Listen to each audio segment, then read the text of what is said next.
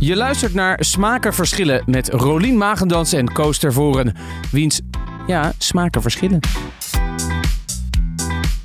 Nou, eh, fijne maandag. Ja, het is dus wel maandag vandaag. Ja, Oh, het is ook. Nee, het is geen echte maandag, maar het is wel maandag. Kijk, dat knippen we dus eruit.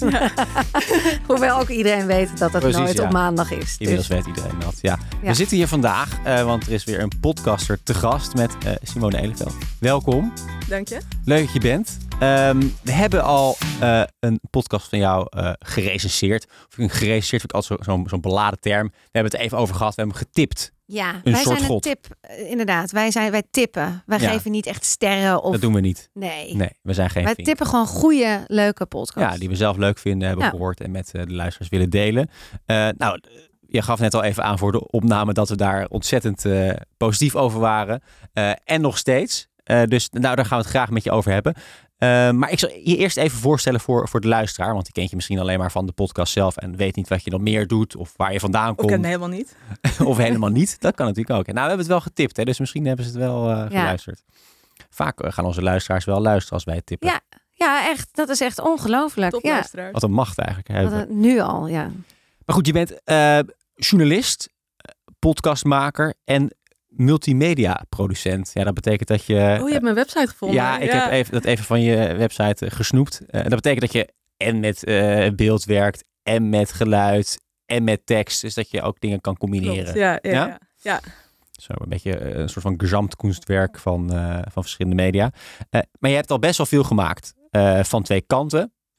De Grote Vragen podcast, waarin je nou, de, de grote vragen des levens eh, Ja, het zijn vrij kleine vragen die we heel uitgebreid beantwoord hebben. Ja, ja, wat meet een eh, test of is angst eh, besmettelijk? Eh, dat soort vragen. Wij kennen je natuurlijk van Een soort God, de podcast over René, de eh, kung fu leraar. Ehm, en, maar je bent ook van de voor de Tegel genomineerde productie Over Grenzen. Klopt, ja. Jeetje, wat heb je veel gemaakt. Maar je Ja. doet ook nog voice-overs. Je maakt korte video's. Hè, dat is een beetje dat multimediale. Dus met, met beeld kan je ook overweg. Eh, en dat eh, allemaal vanuit een achtergrond in de literatuurwetenschap in Amsterdam. Wow. En eh, cultuurwetenschap, master journalistiek, eh, television en cross media. Wat heb je niet gedaan? Je werkt in ieder geval sinds 2017 voor de Volkskrant. Klopt, ja. En ook vanuit die krant maakte je de podcast Een soort God. Ja, Toch? Klopt, ja. Nou, ik vind het wel fijn dat we alle, alle feitjes op een rijtje hebben. Vaak Ja. heb je dan zeg maar, eh, ja, maar dat klopt niet helemaal, want het was 2018. Maar volgens mij eh, klopt die helemaal, toch? Het klopt helemaal, ja, Nou, zeker. uitstekend. Hey, vertel eens even, eh, we willen graag even bij het begin beginnen. Hoe ben je eigenlijk bij de, de Volkskrant begonnen als eh, podcastmaker? Wat is een krant? Ja, klopt. Nou, ik ben daar begonnen als stagiair op de crossmedia afdeling. De, en daarna op de videoredactie. En dat is ook waar dat multimedia producent van komt. Ik moet het meeste van de dingen die je, de meeste dingen die je hebt genoemd, die heb ik bij de Volkskrant gemaakt.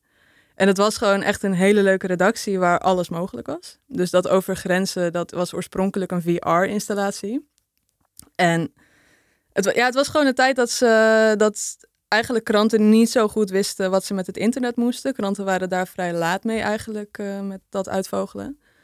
En deze redactie die had eigenlijk een soort vrijbrief gekregen van, nou ga maar gewoon experimenteren.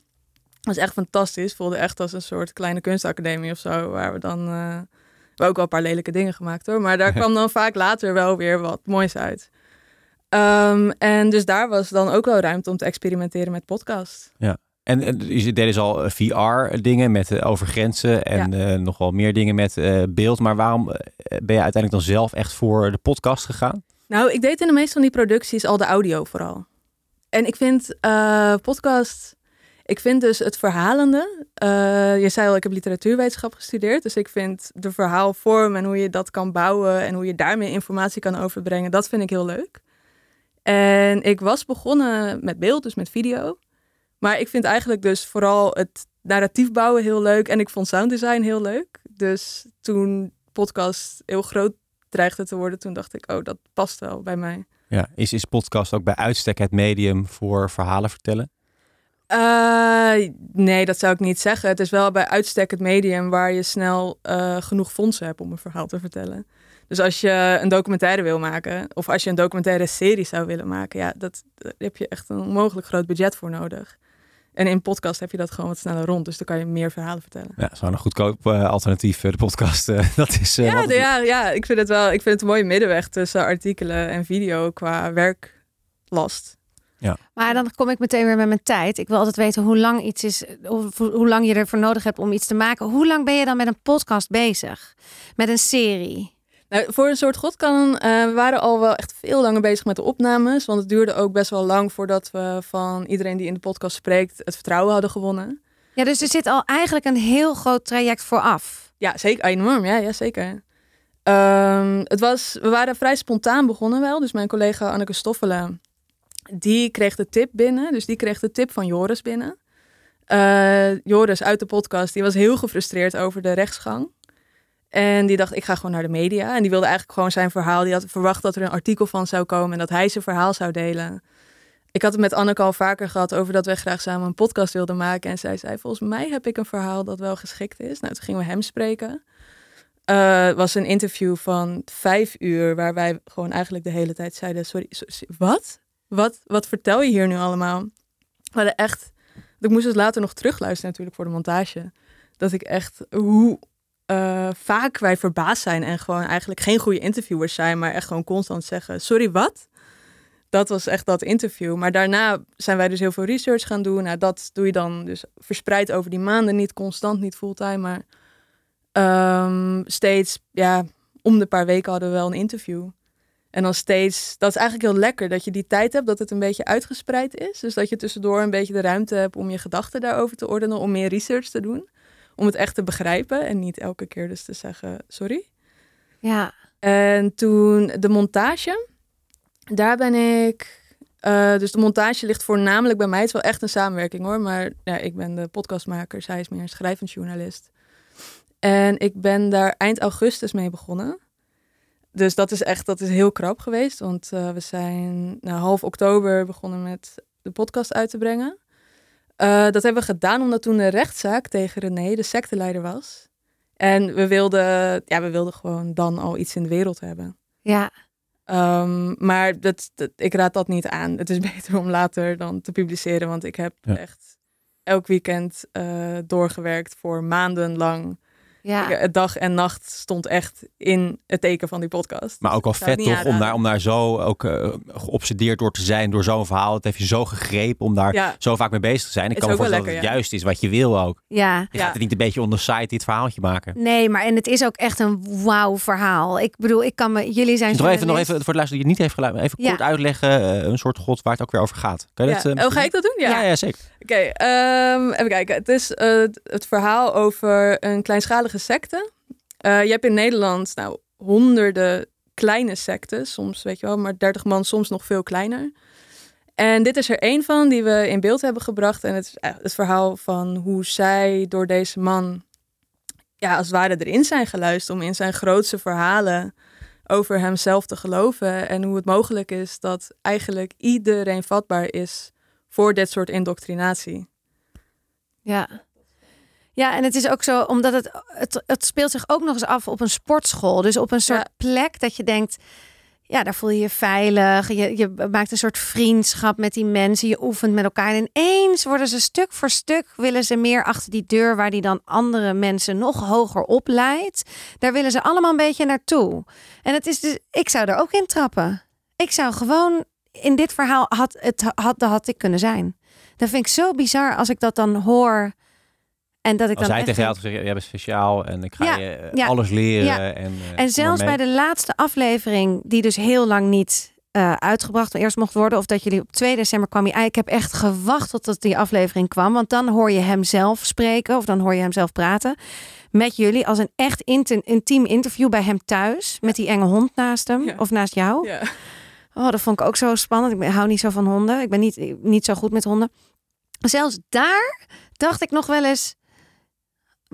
Ja, ik begrijp hem ook wel. Op de manier hoe hij zingend praat, snap ik echt dat je erin trapt. Ja, ja nee, ik, ik denk dat je veel zelfkennis hebt. Ik weet echt, zoveel mensen reageren nog steeds Van dit zou mij niet overkomen. Maar ik denk ook niet dat iedereen voor dit verhaal zou vallen. Nee, misschien wel voor... al- Ja. Maar ik denk wel dat er voor iedereen zo'n groep is die gewoon onweerstaanbaar is. En heel veel mensen zeggen dan, ja, maar ik heb echt een autoriteitsprobleem, dus ik zou nooit achter een leider aangaan.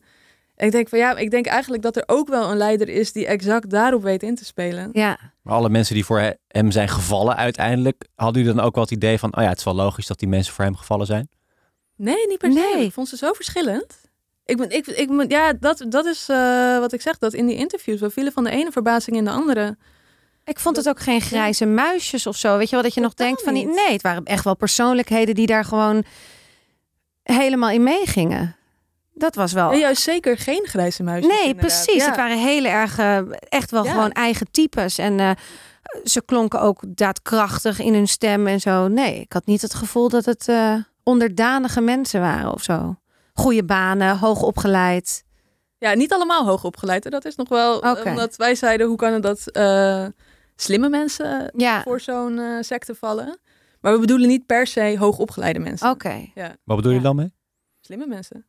En wat is dan Wat is een slim mens? Eh, ik denk bedachtzaam. Iemand die zichzelf actief informeert. Iemand, ja, dus rustig over de dingen nadenkt. Ik vind allemaal heel bedachtzame mensen. En ook wel scherp. En niet... ehm, ja, eh, ik, ik vind het dus echt opvallend hoe het mensen zijn die niet informatie voor zoete koek aannemen. Nou hebben ze het, ja, die, ze zijn vrij wereldwijs inmiddels. Maar Kritisch en analytisch, Ja. denken goed over dingen na. Ja. eh. ja, zeker. Hey, even, even terug naar, naar eh, de krant. Want dit is eh, eh, een productie namens, of vanuit de Volkskrant. wat natuurlijk een journalistiek medium is. Is het, is het ook een journalistieke productie? Zo, ik nog maar even een slok water. Eh, ja, tuurlijk. Ja, nee, zeker. Ja, want dan vraag ik me af, hebben jullie dan die, die aflevering die jullie met René hebben opgenomen? Is dat, dat is eigenlijk een soort van de wederhoor? Eh, want je hebt natuurlijk al die verhalen van al die mensen. Eh, is die zeg maar helemaal aan het einde van het traject eh, gedaan en dat jullie die eerdere aflevering al hadden gepubliceerd? Of hadden jullie dat gesprek met hem al gevoerd voordat je ook de andere afleveringen ging maken met alle... Nee, ik denk ook niet dat hij nog, als we die andere hadden uitgebracht, denk ik niet dat hij nog met ons gesproken of zou willen spreken. want nee. Nou, toen we de andere hadden uitgebracht, heeft hij ons aangeklaagd. Ja, precies. Ja. Dat heeft een kort geding gestart, inderdaad. Ja. Dus, maar dus, dus jullie hebben echt wel degelijk ook gedacht, oké, we moeten ook wel de andere kant, dus ook dat journalistieke wat erin zit. Ja, dat moet. Ja. Bedoel, we willen hem ook spreken, maar het moet ook. Ja, je, hebt, je hebt niet een keus, nee. Want zijn daar dus regels voor? Als je een podcast maakt en hij is journalistiek, wat zijn dan de regels daarvoor? Ehm, nou, in de journalistiek is de regel gewoon wederhoor. Dus je moet, als jij iemand ergens van gaat beschuldigen, of je laat anderen hem beschuldigen, eh, dan moet je die beschuldiging aan diegene voorleggen. Ja, dat is de basisregel wel, ja. Ja, ja. En, en, en welke journalistieke eh, methode of vormen hebben jullie gebruikt om dit verhaal te vertellen? Want journalistiek is natuurlijk aan de ene kant hoor en wederhoor en we, we pluizen het uit en geven een eerlijke weergave van hoe het is gebeurd. Maar aan de andere kant zijn er ook journalistieke methoden om een verhaal interessant te maken en eh, Ja. de, de, de luisteraar of, of de lezer of de, of de kijker erbij te houden. Wat voor methodes eh, gebruiken jullie? Ehm, we wilden het zo invoelbaar mogelijk maken, eigenlijk. En daar dus hoe die, die interviews vormgaven was vaak. eh, we wilden dat zij de situaties zo realistisch mogelijk beschreven. En heel veel van hen die waren er ook echt heel goed in. Dus die kunnen die situaties waar zij in zaten, wat echt vrij absurde situaties zijn. Dus we wisten dat we daar een probleem mee gingen krijgen, omdat sommige dingen zijn gewoon echt ongeloofwaardig. Sommige dingen die zij vertellen, die, waar zij in geloofd hebben. Dus dat hij misschien hun gedachten kon lezen. Of dat ze in eerdere levens al relaties hadden gehad. Daarvan weet je dat dat een heel, ehm, om even academisch woord te gebruiken, othering effect heeft. Dus dat je iemand snel afserveert als, ja oké, maar die is ook wel gek. En wij wisten gewoon uit die gesprekken die we met hen hadden gehad, van ja, maar deze mensen zijn niet gek. Dus we moeten echt ons best gaan doen om dat invoelbaar te maken dat iedereen ook echt kan voelen dat het hen zelf zou overkomen. Dus daar hebben we heel erg ons best voor gedaan. En dat deden we voornamelijk in die interviews. Door dus... Laten we misschien even het voorbeeld nemen van, van dat meisje inderdaad, waarvan hij zei, nou in, in een vorig leven hebben wij een relatie gehad en dat hij in het nu er ook weer op aanstuurde dat dat weer moest gaan gebeuren. ja, ja, Ja, hoe, hoe, dat is een bizar verhaal natuurlijk. ja. Hoe maak je dat dan, zoals je zegt, invoelbaar?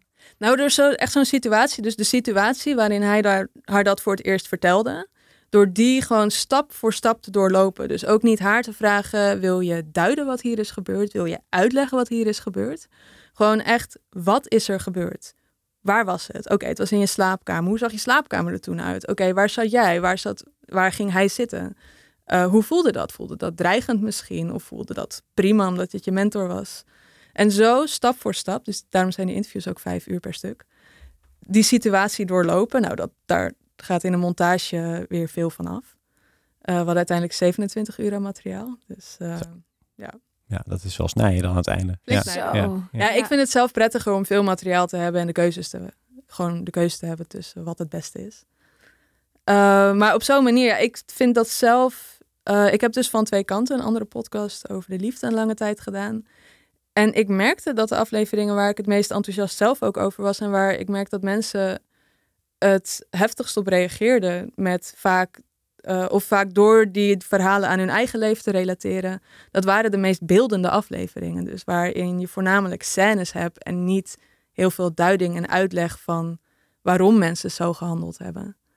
Dus dat is, eigenlijk, dat is echt mijn uh, proeftuin, die podcast. Omdat nou, gewoon een hele tijd brachten hem elke twee weken uit. Dus elke twee weken een nieuw verhaal. En het is wel een vrij strakke vorm. Maar daar kon ik binnen wel mee experimenteren. Dus met die verhoudingen. En hoeveel laat je nog aan de luisteraar over om zelf in te vullen? Of hoe duidelijk maak je hoe het daadwerkelijk is geweest? En daarmee kon ik kijken van, nou, wat werkt? En daar, ja, voor dit ben ik hierop uitgekomen. Dat we door het beeldend te maken, dat je daarmee invoelbaar kon maken. Ja, en dus niet de hoofdpersonen hetzelfde laten duiden, dat dus niet. Nee. Uh, en, uh, uh, maar uiteindelijk moet er wel iets geduid worden, want je wil ook vaak te vertellen waarom iets gebeurt. Ja. Hoe, hoe doe je dat toch dan wel zonder dat je te veel invult voor de luisteraar? Nou, we, hebben, we hebben echt wel ook veel research gedaan. Um, en waar wij achter kwamen is dat deze situaties dus heel universeel zijn. Dus deze vormen van indoctrinatie zijn heel universeel en niet specifiek aan sectes. Maar uh, alle sectes lijken onderling ook weer heel erg op elkaar. Dus we wisten dat deze situaties herkenbaar gingen zijn. Gewoon puur op basis van onze research. Uh, dus we hebben wel alle scènes die we gekozen hebben. Uh, die hebben wel ook weer, zeg dat? daarvan wisten we in de research dat die herkenbaar gingen zijn. Dat, dat vaker voorkwam, ook in andere groepen. En daarnaast hebben we wel af en toe, maar echt niet zoveel, zelf ook wat duiding toegevoegd her en der. Maar het meeste is wel gewoon um, dat we in een paar zinnetjes wel even proberen aan te wijzen van dit is niet uniek. Dit is niet een situatie die alleen hier is gebeurd. Het is een situatie die echt indicatief is voor hoe dit in zijn werk gaat. En dan gewoon de situatie. En ik denk dat daarom heel veel mensen ook reageren op een manier van: oh wow, ik herken dit. En ik heb misschien nooit in een secte gezeten, maar wel bijvoorbeeld in het koor. Uh, heel veel mensen die in het koor hebben gezeten reageren erop. Maar ook wel meer mensen die bij kung fu verenigingen hebben gezeten. Die zeiden van, oh, ik heb ook soortgelijke dingen meegemaakt. Dus we wisten dat die scènes niet uniek waren. Maar juist veel voorkomend. Ja. Ik, ik, ik, wil toch even, even naar jou toe, want jij, jij, jij zegt zelf, nou, ik zou daar misschien wel voor vallen. Dat zie ik zo gebeuren. Ja. Maar jij bent natuurlijk nu zelf, je bent zelf opgegroeid bij de, bij de Bachwan. Ja, maar dus, dat... Eh, daar... Is dat te vergelijken, nou, vind je? Nee, want ik, kijk, de mensen zeggen ook dat over Osho de Bachwan dat het ook een secte is. Uh, Wat wel zo is natuurlijk, ja. Ja, oké. ja, ja. ja, nou, dat weet ik dus niet. Want ik weet, ik geloof namelijk niet in de kern, om het even over deze situatie alleen te hebben. Ik geloof niet dat Osho per se zoveel volgelingen wou. Of dat er ik denk waar ik denk dat het fout is gegaan, is dat er andere mensen heel veel macht roken. De Sheila's, de mensen die in uh, Duitsland, in Nederland, die daar zeg maar een university wouden beginnen, dat die dachten: hey, dit is interessant. Ik kan op een machtspositie gaan zitten en mensen wat vertellen. Maar ik geloof niet dat Osho de Bachman zelf echt zo'n verkeerde man was. Nee, maar wat is dan het verschil? Want op zich, ja, kung nou, is ook niet iets waarmee uh, nou, de bedenker ze dit... macht wilde, maar nou, ja. René gebruikt het wel. Ja, en hier had je wel ook uh, dat ze allemaal deden aan, uh, volgens mij heette dat Aikido of zo, was er ook wel een, een sport. Ja, ik, ik weet niet, ja... Ja, ik zie het gewoon niet helemaal als een, als een secte. Hoewel ik weet wel dat het bestempeld wordt als een secte.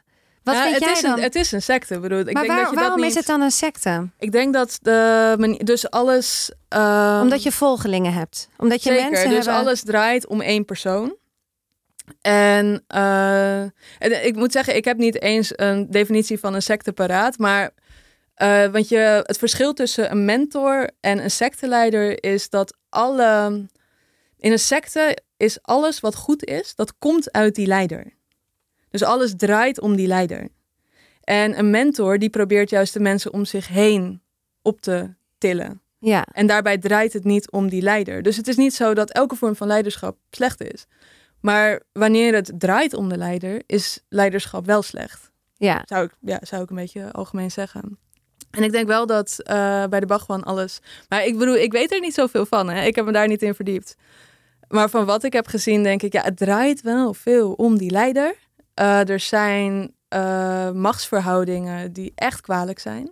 ja, En of dat nou vanuit hem komt of niet, kijk, het is een secte. En ehm, ik denk dat het lastig is om helemaal uit te pluizen wie dan de bad guy is. Ik bedoel, ja, je, je kan niet volledig vrijgepleit worden als je aan het hoofd staat van zo'n kwalijke organisatie. ja, Dan heb je ook wel lang met oogkleppen. Als je, zeg maar, stel, hij heeft alleen maar goede intenties gehad en het is alsnog zo gelopen, heeft hij wel vrij lang oogkleppen op gehad. Ja. En dat je mensen op verantwoordelijke posities wel ook verantwoordelijk moet houden, altijd. Nou, Ja. dit- dit- maar dit heeft dus blijkbaar ook wel dit, eh, dit verhaal uiteraard, maar ook wel het thema heeft je in- interesse gewekt. eh sectes zeker. en, en hoe Ja. die dynamiek eh, werkt. Want je noemt al vergelijkbare organisaties waarbij het misschien ook wel zo zou kunnen zijn. Z- Zie je dat nu opeens overal om je heen? Allemaal dit soort eh, kleine wereldjes waarbij mensen iemand volgen? Ja. Ja, is het ineens, heb je daar oog voor gekregen? Meer dan daarvoor? Echt meer, ja, zeker. Ja, ja ik moet zeggen, ik was eh, voor deze podcast niet eens zo gefascineerd door sectes, omdat ik dus dacht dat het een vrij marginaal fenomeen was, zoals veel mensen. Ik dacht dat het gewoon niet zoveel voorkwam. Maar die vorm van, nou, dus dat eh, alles draait om één persoon en dat die persoon buitensporig veel macht heeft. Ja, je ziet het overal. En ik zie het ook in mediaorganisaties. En, eh, Bij de Volkskrant. bij de Volkskrant niet zo hef- Nee, Behalve bij de Volkskrant. nou, kijk, ja, je ziet nu wat er nu bij de Voice gebeurt. Ja, dat is Ja. Ik wou het wel, eh, net zeggen, zo. Ja. Ja, Ja. Nee, ik denk, maar ik denk dat zeker in eh, de corporate wereld. ik zit nu echt, ik probeer zo de Volkskrant. Nee, ja, ik zou, als ik het echt herkend had, dan zou ik het wel zeggen. Niet zozeer, ja, misschien wel binnen DPG, maar dat, eh, daar ben, heb ik niet zoveel zicht op. Nee, maar het kan dus, het, dat is ook van deze podcast. Het kan dus echt in hele kleine ruimtes. In een sportschool. Het kan in een, het kan in een supermarkt zijn. Waar één iemand, in een gezin zelfs, ja. Ja. De Wolfpack, heb je die gezien? Hoe lang geleden? Ja. ja. ja. Een documentaire van een vader die met zijn eh, zeven kinderen in een, een New Yorks appartementje woont van 50 vierkante meter. En die kinderen mogen de deur niet uit. Die, die deur is zo dichtgetimmerd dat alleen hij naar buiten kan. En verder gaan allemaal sloten. Die kinderen hebben geen idee. Ja, dat is ook een secte. Ja. Dat is ook gewoon. Maar interessant vind ik dus dat dat zijn eh, de verhalen die naar buiten komen. Eh, Ja. Kinderen van Ruinerwold nog zo'n Ja. voorbeeld. Ja. Deze René. Maar dus blijkbaar ook gewoon in, in de, de, de normale organisatie waar we ons allemaal in begeven. Daar gebeurt het ook. Ja. Dat vind ik interessant. Bij, je, noemt, je noemt het Core of je noemt eh, The Voice, een, een televisieprogramma waar heel veel mensen werken. Eh ik kan me voorstellen dat in, in, in de sport ook dit soort dingen gebeuren. Gaan, Oh, er, ja, meer, zeker, gaan er ja. meer naar boven komen, denk je? Meer, meer dit soort verhalen? In de zin van dat wij het meer te horen krijgen? Eh, ik denk wel dat er nu veel aandacht is voor ongelijke machtsstructuren. En zeker ook, nou, ik denk dat MeToo daar veel bij geholpen heeft. En bijvoorbeeld een serie als Succession. Ik weet niet of jullie die hebben Ja. gekeken. Nou, Ja, als je dat, grote mediabedrijven en die kinderen. ja, dat is echt totaal een voorbeeld van een sectarische machtsstructuur. Die is dan fictief, maar ze beelden het wel heel goed uit. Ehm, dus ik, ja, dus ik wil niet te optimistisch daarover zijn, want dit soort, deze informatie is ook al wel heel lang bekend. En toch, als bijvoorbeeld, ehm, nou, deze slachtoffers van René, die zijn heel lang niet serieus genomen. Niet door de politie, niet door de officier van justitie, niet door slachtofferhulp. Die hebben echt bij eh, instituten echt nare dingen meegemaakt en veel victim blaming. Eh, dus ik denk dat we daar niet zo snel van af zijn. Ik hoop wel dat er veel meer kennis over dit soort ongelijke machtsstructuren gaat zijn. Ja. Maar ook ja, de wetgeving die moet ook nog worden, die is ook super archaïs op dat gebied. Want geestelijke manipulatie is niet strafbaar. Ehm, maar ik hoop wel dat daar meer aandacht voor gaat komen. Ja. Ja. Hey, en dan even nog over die René en de laatste aflevering. Hoe bereid jij je voor op zo'n interview? Oh ja, dat, ik moet zeggen, dit is niet één die ik het allerbest heb voorbereid eigenlijk. Ehm, bij hem was het plan gewoon wederhoor. We gaan gewoon dit allemaal aan hem voorleggen. Ehm, stap 1 was binnenkomen. We wisten dus echt niet of hij ons binnen ging laten. We wisten niet wat voor man we zouden aantreffen daar. En ehm, we hadden een hele trits aan wederhoor die we moesten afwerken. Dus we dachten, nou oké, laten we daar eerst dan even op focussen dat we dat in ieder geval gedaan hebben. En dan daarna doorvragen ook over, toch over zijn filosofie en het waarom. Ja. Ehm, Maar dus- had je zweetoksels? Zat je daar Ja, niet? Jawel, jawel. Heel spannend. Ja ik, vond, ja, ik vond het heel spannend natuurlijk toen we daarheen gingen. Eigenlijk minder spannend eh, zodra we binnen waren. Want dan weet je wat de situatie is waar je mee moet dealen. Dus we wisten niet wat we zouden aantreffen als we zouden aanbellen. En toen we merkten, oké, hij onderschat ons eigenlijk in zekere zin. Hij dacht, ik ga dit varkentje even wassen. Deze twee journalisten, die eh, krijg ik makkelijk aan mijn kant. Eh, toen dachten we, oké, maar dan is ze misschien voor ons ook niet zo gevaarlijk eigenlijk. Eh, ik vond die hond op zich wel spannend. Maar het grappige is ook dus, en dat vind ik eigenlijk een van de voordelen van podcast maken. Ik denk dat fotografen dat ook zullen herkennen. Is dat als je, je hebt eigenlijk je projectje hè, waar je mee bezig bent. Dus ik heb dan een gigantische microfoon in mijn hand. En ik ben zo gefocust of op het erop staat of niet. En of het er goed op staat. Dat is eigenlijk spannender. Nou ja, het is wel, het, het eh, beslaat een deel van je brein. Waardoor ik eigenlijk minder zenuwachtig was dan Anneke bijvoorbeeld. Omdat ik gewoon ook constant bezig was met, oké, staat het erop, staat het erop. Weet je wel, Ja. draait mijn opnameapparaat. En dat, dat maakt het eigenlijk iets minder spannend, gek genoeg. Heel Ja. grappig is dat. ja, je hebt een dubbele functie. Ja, Ja, dubbele baan op dat moment. Ja, ik kan me wel voorstellen dat dat dan iets minder... Dat het, ja... Maar het, het, die aflevering is, ik vind hem echt, de spanning is om te snijden, Ja. vind ik. Ja, ook die hond, die maakt het ook dat, dat je dat zo beeldend hebt gemaakt, hoe die dan naast je is gaan liggen. Ik dacht, René hoeft maar één keer te zeggen attack. Ja. Hij zit in je kuit, weet je, zoiets. eh.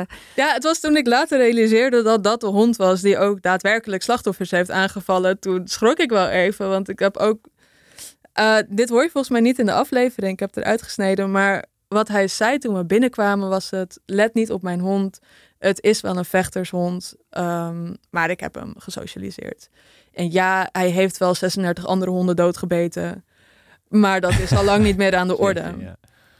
En Maar dat ging het ene oor in, het andere oor uit. ja, nou, ik vermoedde wel dat het niet waar zou zijn. En ik heb later ook gehoord van anderen dat dat niet waar is.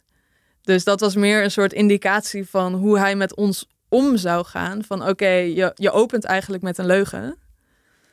Ehm, dat was meer, oké, van oké, dat was genoteerd. Nu weet ik hoe dit gesprek gaat verlopen waarschijnlijk. Ik bedoel, ja, het, het is heel lastig te bepalen wat waar is en wat niet bij deze man. Ehm, dat ik inderdaad die hond dacht ik van oké, nou ga jij er maar liggen. Uiteindelijk was hij nogal schattig ook, weet je wel. Dus dat, ik heb hem niet geuit of zo hoor. Maar dat Ja. toen ik later realiseerde, oh die hond die kan wel daadwerkelijk aanvallen. Ja. Ja. schrok ik nog even, ja. ja, ik kan me voorstellen. hey, en Simone, wat zou je nog meer willen maken? Je hebt nu dit en dit loopt eigenlijk nog, want er komt dus nog een aflevering Ja. aan. Ja, ik kon nog één aflevering. En ik ben bezig met een groot project. eh, waar, met een andere collega, waar ik kan er nog niet zo heel veel over vertellen helaas. Eh, maar dat Iets, Iets, kun je iets zeggen? voor de Volkskrant is het? Het is voor de Volkskrant, inderdaad. Ja, het is een heel spannend verhaal. Journalistiek verhaal. Journalistiek verhaal, zeker. Ja. Ja, het, het gaat ook echt... eh, het is eigenlijk een wat klassieker verhaal. Dus dat je qua lijn volg je het onderzoek veel meer. Oké, meer reconstructie. Ja, veel, ja zeker. Ja. Dus, eh, maar wel weer spannend, hoop en wat ik. is jouw rol in deze podcast? Ehm, ja, ook journalist en maker. Met wie samen? Eh, met Huid Modderkolk. Ken je die? Ja, is een bekende schrijver ook. Ja, klopt. Ja. Leuk. Ja, dus wanneer- vaak in duo-vorm. Vind je, vind je leuk om in duo-vorm te werken? Of is het gebruikelijk bij, eh, bij de Volkskrant? Het is wel gebruikelijk. Het is... ehm, ja, eigenlijk, ik word als maker voornamelijk gekoppeld aan de onderzoeksjournalisten die verhalen hebben. En ik vind het zelf ook wel heel leuk. Ja, in mijn eentje werken, dat, vind ik, dat gaat ook langzamer. Ik vind het prettig om hardop te denken, om te sparren. Eh, nee, ik werk graag in eh, teams. Ja, klopt. Zijn er nog veel verhalen op de plank? Liggen er veel? Eh, nee, ja, ik ben nu met dit bezig en daardoor moet ik weer op zoek gaan naar een nieuw verhaal. Kan je fulltime bezig met één verhaal? Eh, nou, binnenkort zal ik wel weer een nieuw verhaal opstarten, ja. Anders dan, als dit af is, dan sta ik met lege handen. Heb ik geen opnames voor het volgende project. Ja. Want die opnames, die duren eeuwig. Leuk hoor. En, en hoe komen de verhalen bij jou?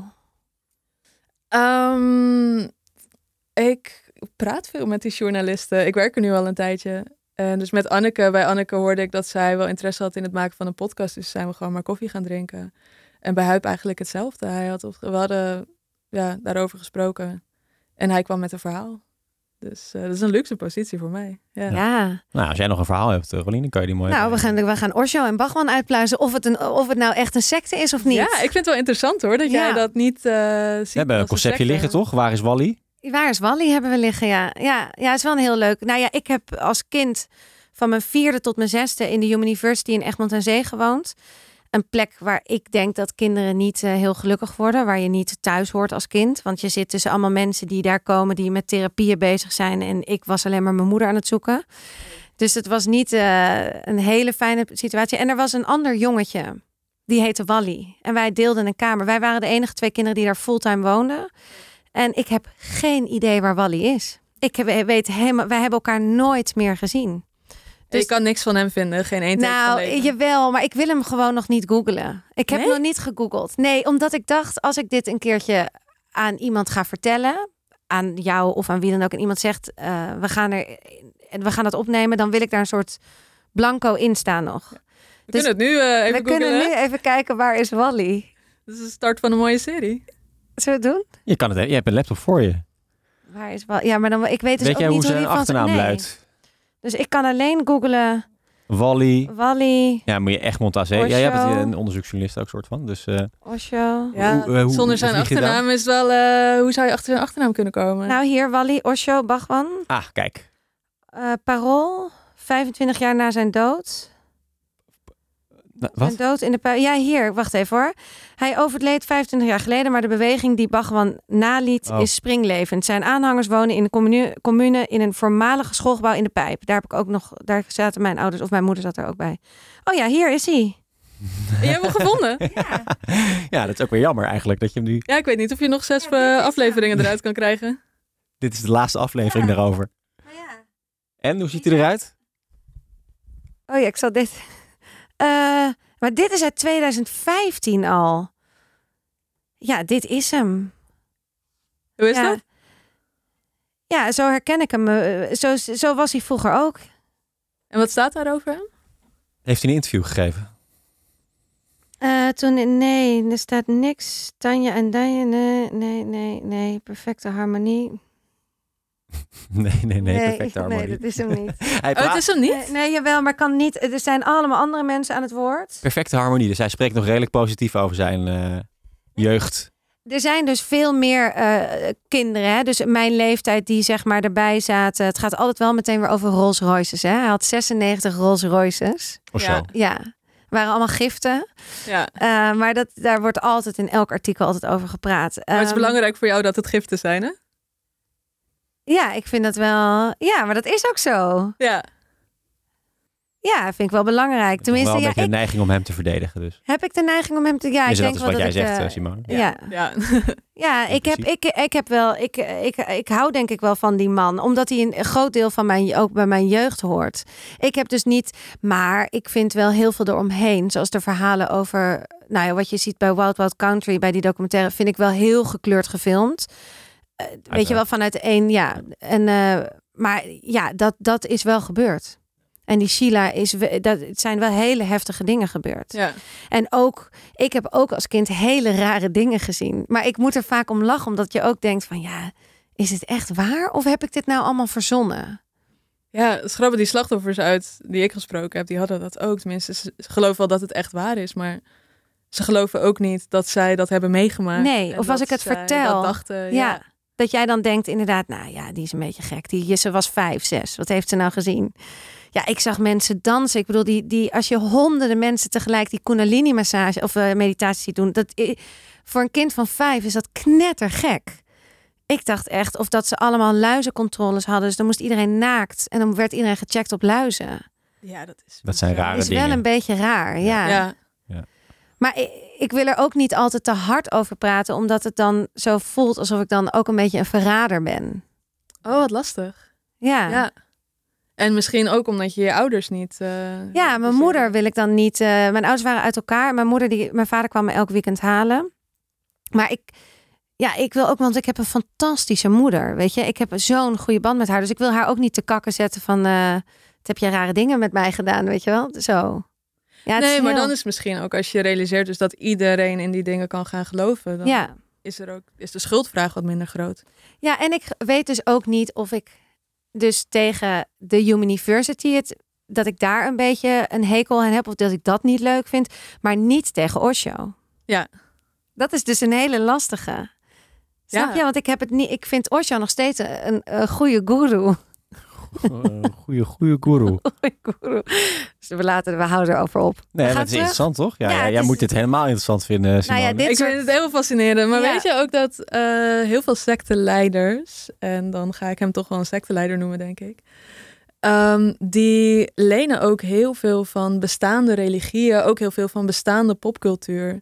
Dus zijn filosofieën, die hoeven niet kwaadaardig te zijn of slecht te zijn. Daar kan je heel veel aan hebben. Ja, Dat sluit elkaar totaal niet uit. nee. Dat, dat is heel vaak gebaseerd op bestaande stromingen waar mensen echt heel veel troost uithalen. Ja, precies. Ja. Dat is het ook. Dus die informatie die je daar misschien hebt geleerd, die hoeft niet minder waardevol te zijn. Nee. Maar wat er gebeurde, Wat er gebeurde, niet altijd helemaal. ja, moet je denk ik wel met ogen open durven ja, te zien.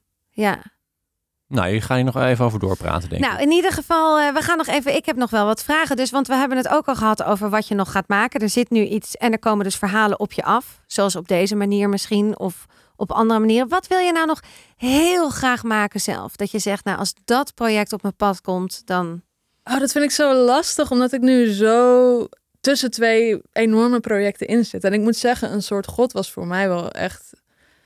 Ik had, ik had niet verwacht dat het zo groot zou worden, eerlijk gezegd. Maar het was wel voor mij een droom die uitkwam dat ik dus een verhaal over meerdere afleveringen kan vertellen. Echt op een manier die ik zelf wilde. Dus qua vorm heb ik totaal vrij baan gekregen. En nu werk ik weer aan een project wat ik heel leuk vind en wat ook een droom die uit. Dus ik, heb, ik ben nog niet echt aan het vooruitdromen, eerlijk gezegd. Nee. Ik ben nu vooral hiermee bezig. Ja. En hoe neem je. Want een, een soort god was wel even. Heb je lang aan gewerkt? Ja. Nou, neem je daarna ook echt twee weken vrij en dat je zegt: ik moet- kan helemaal geen audio-opname meer zien. Ik had twee weken vrij nodig, ja, absoluut. Zeker ook met eh, dat kort geding op het eind en eh, alle aandacht die er kwam. En ik was dus nog constant bezig die afleveringen te maken toen dat allemaal gebeurde. Ik heb elke aflevering een uur voordat hij online ging afgehad.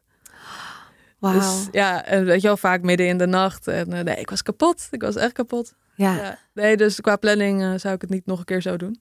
Nee. Maar het was wel heel leuk, zoals jij zei, om er zo in te zitten. Ja. Dat heeft ook wel weer, eh, ja, misschien dat die intensiteit ook wel terug te horen is in de podcast. ja. Zeker, ja. Ja, echt. En het is een fantastische podcast. ja, echt heel mooi. Tot slot, eh, eh, toch?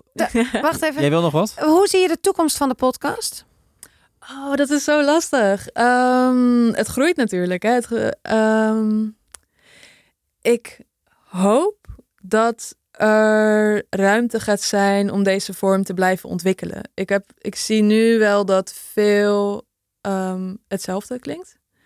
En ik hoop dat we de tv-documentaire achteraan gaan en dat je echt een soort ITVA van de podcast gaat krijgen waarbij alles anders klinkt. Weet je wel, dat er vormen, dat er audiovormen worden bedacht die wij gewoon nu niet zomaar zouden kunnen bedenken, maar dat er veel ruimte voor experiment is. Vind je je eigen podcastvorm ook standaard? Ehm, sommige dingen wel, sommige dingen niet. Ja, nee. Probeer je wel telkens inderdaad te zoeken naar nieuwe vormen? Ik probeer met de ruimte die er is, dus ik, ik heb wel, ehm, ik moet wel snel produceren, want nou, je zit gewoon in het tempo van een krant toch ook wel.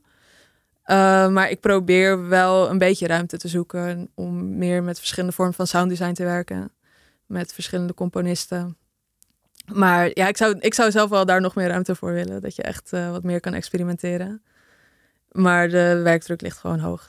En ik hoop dus eigenlijk dat, want ik weet, ik weet dat, dit, dat ik daar niet alleen in ben. Ik weet dat alle podcastmakers die ervaren nu een vrij hoge werkdruk. Eh, de opdrachtgevers hebben vaak nog niet door hoeveel tijd het kost om een podcast te maken. En hoeveel tijd. Het wordt vaak ook heel journalistiek benaderd en nog niet zo vaak als een kunstvorm, die het toch eigenlijk ook is. Uh, dus ik hoop dat daar veel ruimte voor komt. En wat misschien een beetje mijn vrees is, is dat die er niet komt en dat er heel binnenkort uh, gevraagd gaat worden naar wat nou eigenlijk het verdienmodel is. Ook al is het een hele jonge vorm. Die kan je totaal om zeep helpen door het veel te zakelijk nu te benaderen. Dus ik hoop dat we de goede kant op ontwikkelen. En dat er ook ruimte gaat zijn voor heel veel verschillende soorten stemmen. Dat het niet weer, uh, weet je wel, de standaard media stemmen zijn. Waar het nu wel een beetje naar neigt. Dus, ja. uh, nou, dus Ja. Ja. Maar ja, het is nog, er is volgens mij heel veel ruimte nog Ja, het is, het voor is, eh, alles. Het is een ja. blue ocean. Ja. Eh, Maar je moet wel inderdaad wel de ruimte krijgen van, eh, van je opdrachtgever. Dat is natuurlijk wel een vereiste. Ja, nou ja, dat, dan zijn er meer mogelijkheden. Ja, en ik ja. hoop dat die opdrachtgevers ook kijken niet naar steeds de usual suspects, maar misschien naar ook meer eh, diverse soorten makers. Ja. Dan kan het echt interessant worden. Hey, wat we aan het einde van eh, de afleveringen podcaster te gast hadden even vragen. Heb je nog een, een goede podcast tip voor ons die wij eh, dan vervolgens weer kunnen doortippen in een eh, volgende aflevering? Ehm, hebben jullie Have You Heard George's podcast wel eens gehoord? Nee. Britse Nee. podcast? Ja, dat is echt een podcast. Dus als we het hebben over podcast als kunst, dan vind ik dat echt nou, misschien nu wel het beste wat er gemaakt is eigenlijk. Dus dat is een spoken word artist. Eh, ik weet dat mensen daar vaak wat allergisch op reageren. Ik vind dat eigenlijk een hele leuke kunstvorm. Ja, En sinds hij- de inauguratie van Biden is toch iedereen eh, fan? Ja, dat is ook wel weer zo. En ik bedoel, het, het past bij uitstek bij podcast. En het is een combinatie van dus ja, spoken word, maar ook van journalistiek. En sounddesign is heel leuk. Ehm, je moet er wel echt voor gaan zitten. Het is niet eentje die je op de fiets luistert. Dan mis je wel veel. Niet Dus- tijdens een strijken. Nou, juist bij Nou. het strijken. Oh, is sorry, wel ja, strijken. Ja, maar dat kost mij altijd heel veel energie. Ik moet altijd heel erg... Ja, sorry, is misschien een verkeerde voorbeeld, maar ik moet dan heel erg opletten altijd. Ja, nee, Nee, oké, moet als dat een belangrijke Ja, bezigheid ja, voor je is, ja. dan eh, inderdaad. Maar voor andere mensen... minder tijdens het high-stakes bezigheid. Have you heard George's podcast? Ja. Right. Simone, Dankjewel. dankjewel. Ja, jullie bedankt. Heel leuk.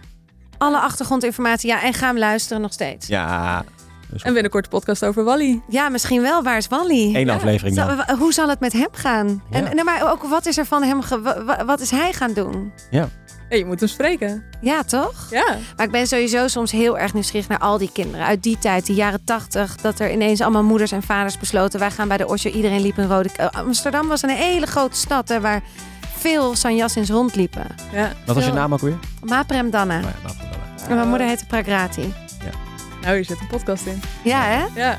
Ja, nou wie weet. Alright. Nou, doe je? Fijne maandag.